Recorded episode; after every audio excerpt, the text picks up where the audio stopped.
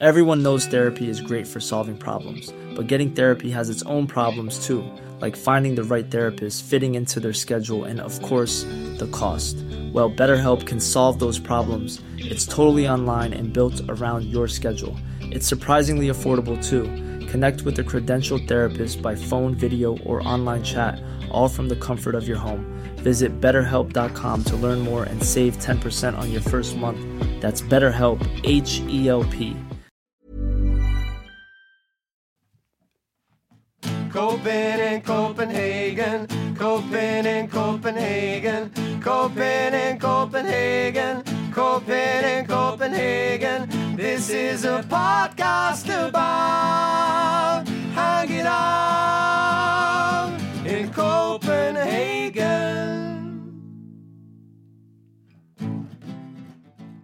Hello and welcome to the Six Show podcast, Coping in Copenhagen News Roundup. My name is Owen, and uh, sadly, my co host Marius can't be here this week, but fret not, we will continue uh, to march on. This is the uh, News Roundup. Every week, we bring you stories from around Scandinavia and Denmark that you may find interesting. And let's get straight into it. The good news this week that um, on a global scale, the good news is uh, uh, uh, Nørrebro has been voted by Time Out magazine, everybody's favorite magazine. I, I mean, I've, I've, never read it, but uh, Time Out magazine has uh, voted uh, Nørrebro coolest suburb in the world. So, congratulations, Nørrebro. Uh, your painted walls and delightful food, an array of culture has finally been noticed by Time Out magazine, and um, and and and and kudos! It is now the coolest place in uh, the world, uh, according to Time Out magazine, which is which is cool. Which it is. It is a pretty great place. Uh, stop and just you know appreciate the surroundings that we are lucky enough to have.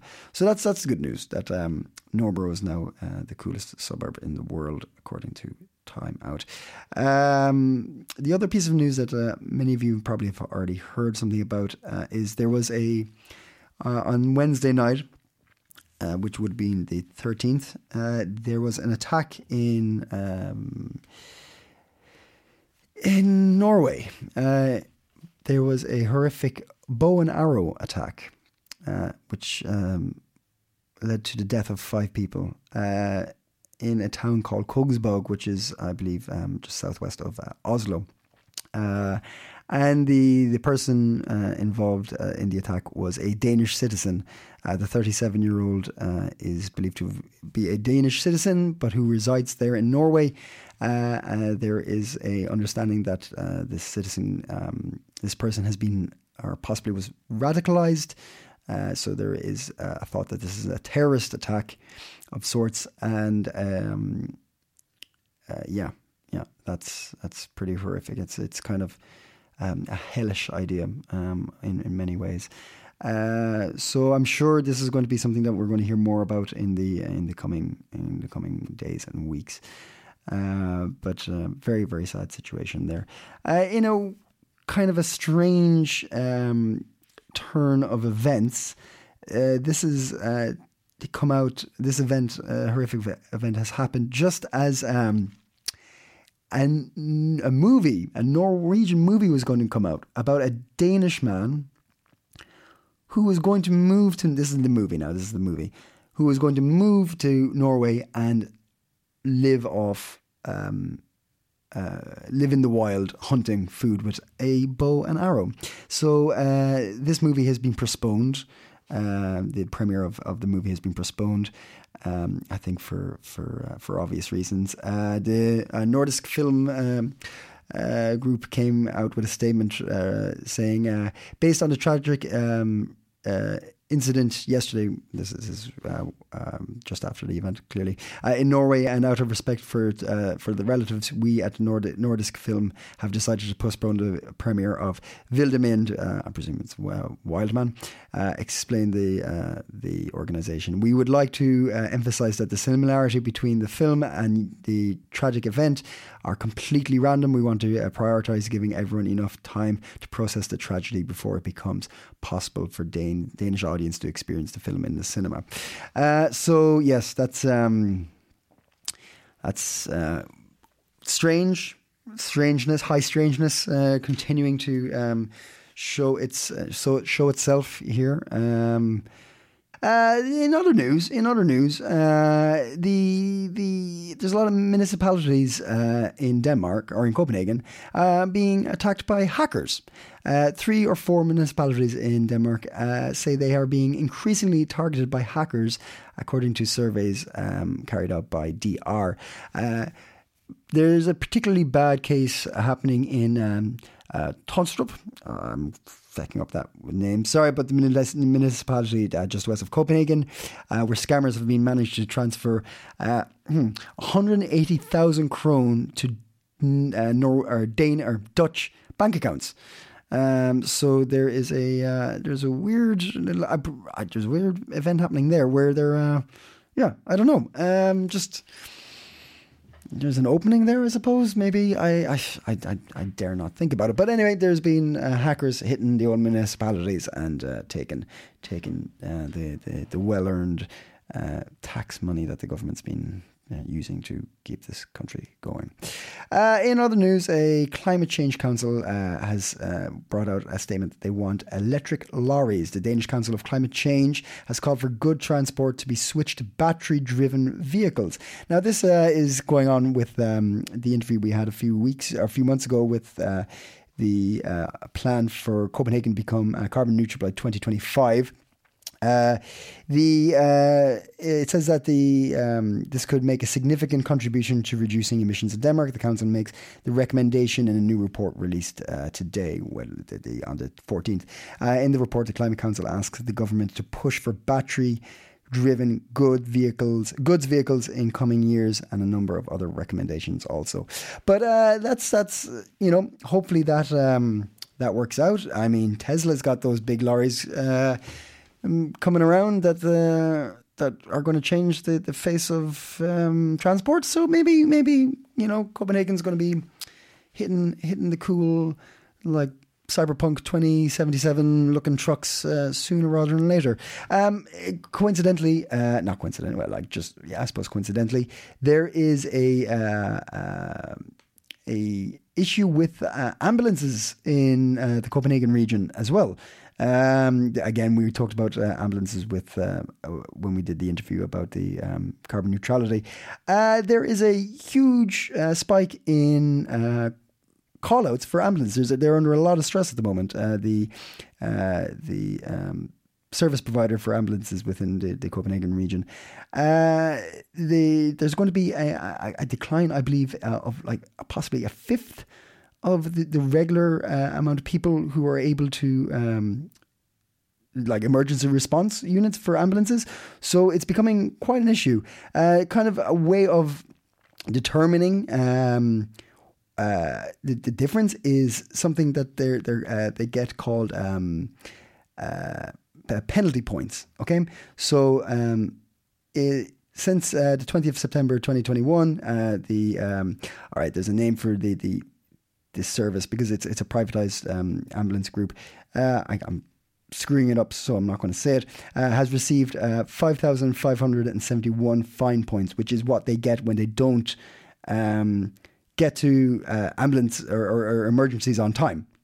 Or get the ambulance out on time, uh, and in comparison, uh, there was a 1,393 penalty points in 2019. So that's a, that's a huge increase uh, in the amount of points they're getting. So this is legitimate um, concerns, and there's also talk of people working there saying that they're overworked and that there's um, uh, um, a, quite a lot of stress on the on the on the um, emergency response um, workers. So that is something that's going to be a little bit um, concerning in in um, months and years to come. Uh, hopefully, it's something that can be sorted out. Um, I highly recommend checking out that uh, podcast we did um, about. Um, carbon neutrality, because we talk a lot about the emergency services in that as well. Uh, in, uh, in in in sporty news, uh, Tour de France has been announced uh, for 2022. The the stages, which will uh, also have three stages here in Denmark. So th- those of you who are cycle files, cycle bicycle files, I don't know. Uh, yes, you should be happy to hear that there will be three stages here in Denmark in 2022, uh, and you can check out where they are on Tinternet.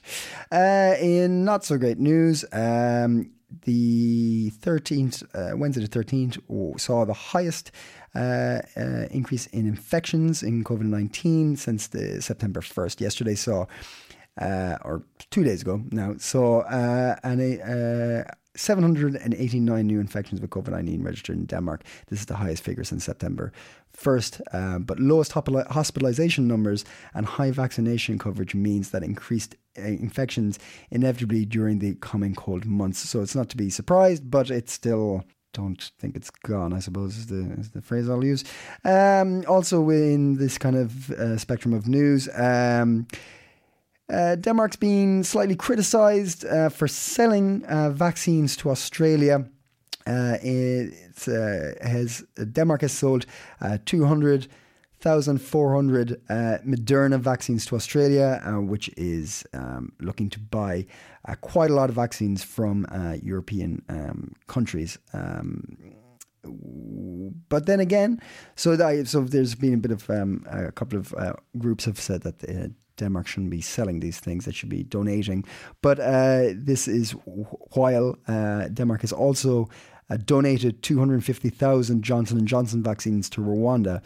Uh, but this uh, seemingly uh, is not good enough, says other people in the um, left wing parties. So it, it, it, it, just is. It's it's it's it's a, it's a hot potato.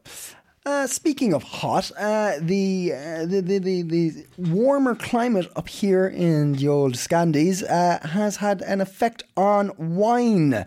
Yes, uh, well, not on wine directly, but uh, the growth of grapes. Denmark is now slowly, slowly becoming noticed uh, for its its uh, wine production.